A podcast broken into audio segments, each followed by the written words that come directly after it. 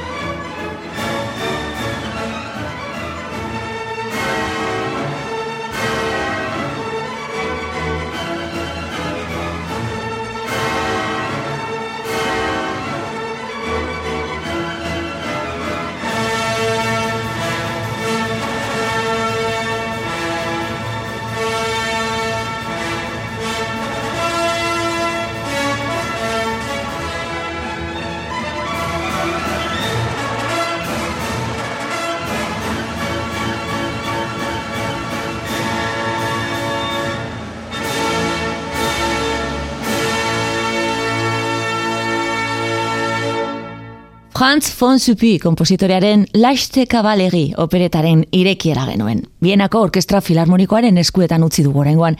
Eta Georg Solti, zuzendari ungariararen batutapean eskaini digute. Suppi spliten jaioa zen Kroazian, eta ejerzito austriararen aurkako parodia egin zuen lan honekin. Tartean hain famatua den obertura hau. Eta bitxikeri bat esango dizuet Frankfurteko futbol talde nagusiak pieza honekin ospatzen ditu bere golak. Klasikoak eite ben. Barrokoaren musikakilerik sonatuenetako bat egingo dugu orain tarte. Antonio Bibaldiren aria bat abestuko digu Patricia Schofi, sopranoak.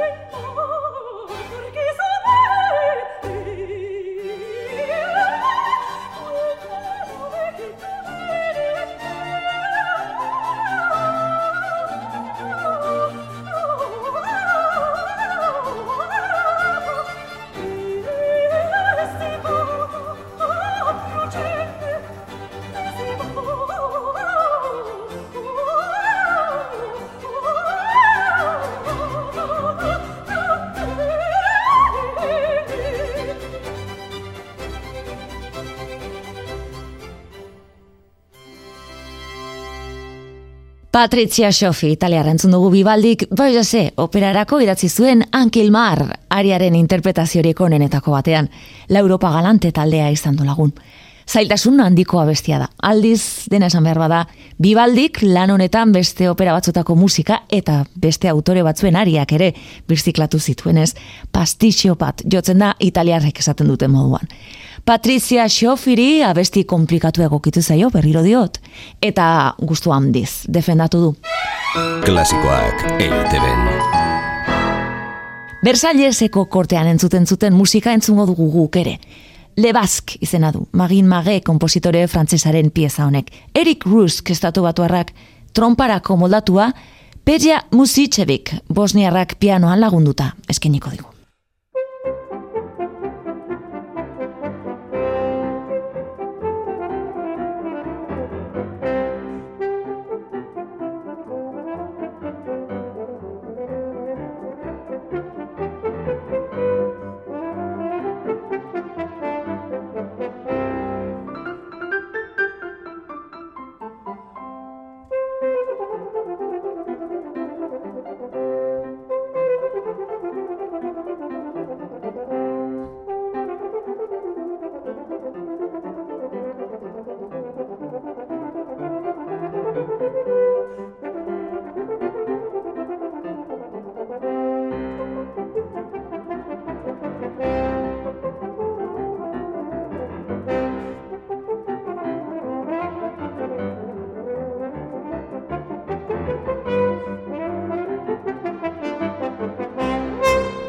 Magin Mage musikagileak amazazpigarren mendean, Luis Samalaure entzat komposaturiko Le Basque izeneko pieza laburra, baina adierazgarria genuen.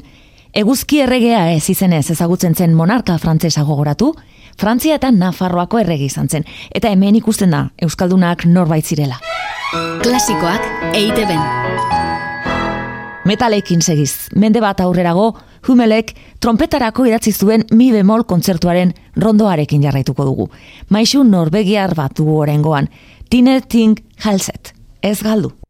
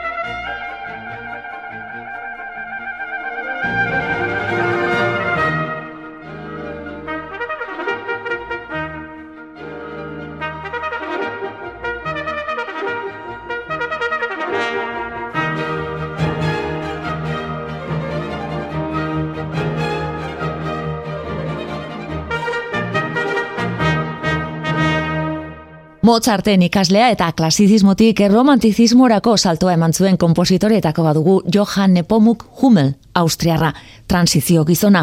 Beethovenek izan zuen etxai serio bakarra bienan esaten zutenez. Seme bakarra eta hori etzen batere arrunta, emezortzigarren mendean, eta aur prodigioa izan zen, pianista virtuosoa. Esan dizuet zeinekin ikasten zuen, ba, jendaurrean, bederatzi urterekin jo zuen lehen aldiz, eta Mozarten kontzertu batean izan zen, hain zuzen. Klasikoak EITB-en.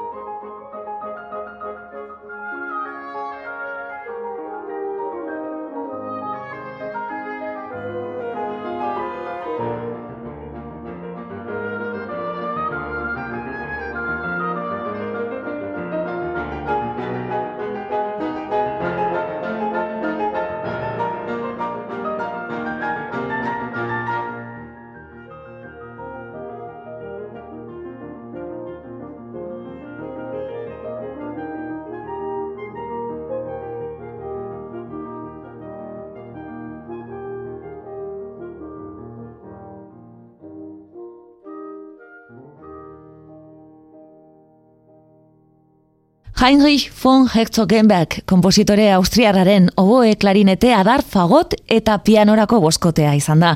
Oliver Trindle, pianistak Orsolino Quintet taldearekin batera eskeni diguna eta asko eskertzen diegu, ze kombinazio honekin egindako obra oso gutxi daude. Trindle oso interprete lanpetua da gainera. Solista moduan orkestra handienekin jotzen du eta kontzertuak ematen ditu bere mailako ganbera musikagile ospetsuenekin, baina baita ere hasi berriagoekin eta artista da Herzog Kenberg moduko kompositore ez oso ezagunak berreskuratzen. Klasikoak EITB.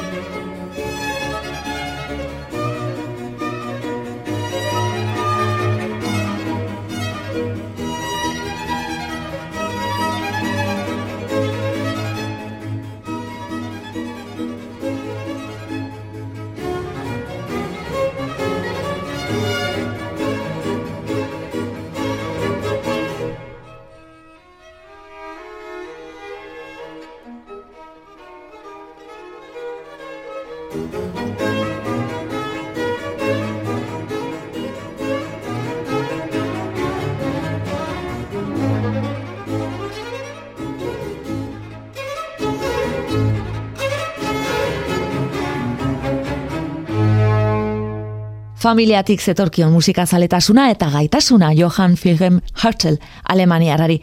Bere aita violinistaren biretan klavezinista moduan trebatu zen eta beranduago violin ikasketak jaso zituen Franz Benda Txekiararen eskutik. Frankfurteko Main Bagok Orkestra talde gazteak eskaini digu Hartelen sinfoniaren alegroa. Klasikoak EITB. David Russell gitaristarekin uzen zaituztet orain, bere atz magikuetan Joaquin Malatz kompositorearen Serenata Espainola izeneko lanaren egokitzapena entzungo dugu. Malatz, hogei garren mendeko kompositore Kataluniarra dugu. Granados, Albeniz eta Fallak miresten zutena, naiz eta haien aldean tamalez ez ezaguna den guretzat. Pianista aparta izan behar zuen gainera, esan ditudanen parekoa jotzen entzun zuten entzat, baina berriro diot, bigarren maila batean geratu zena. Azkena markadetan, ala ere, bere lanaren nola baiteko bizialdi berri bat eman da, eta horren lekuko entzungo dugun gitarrarako adaptazioa.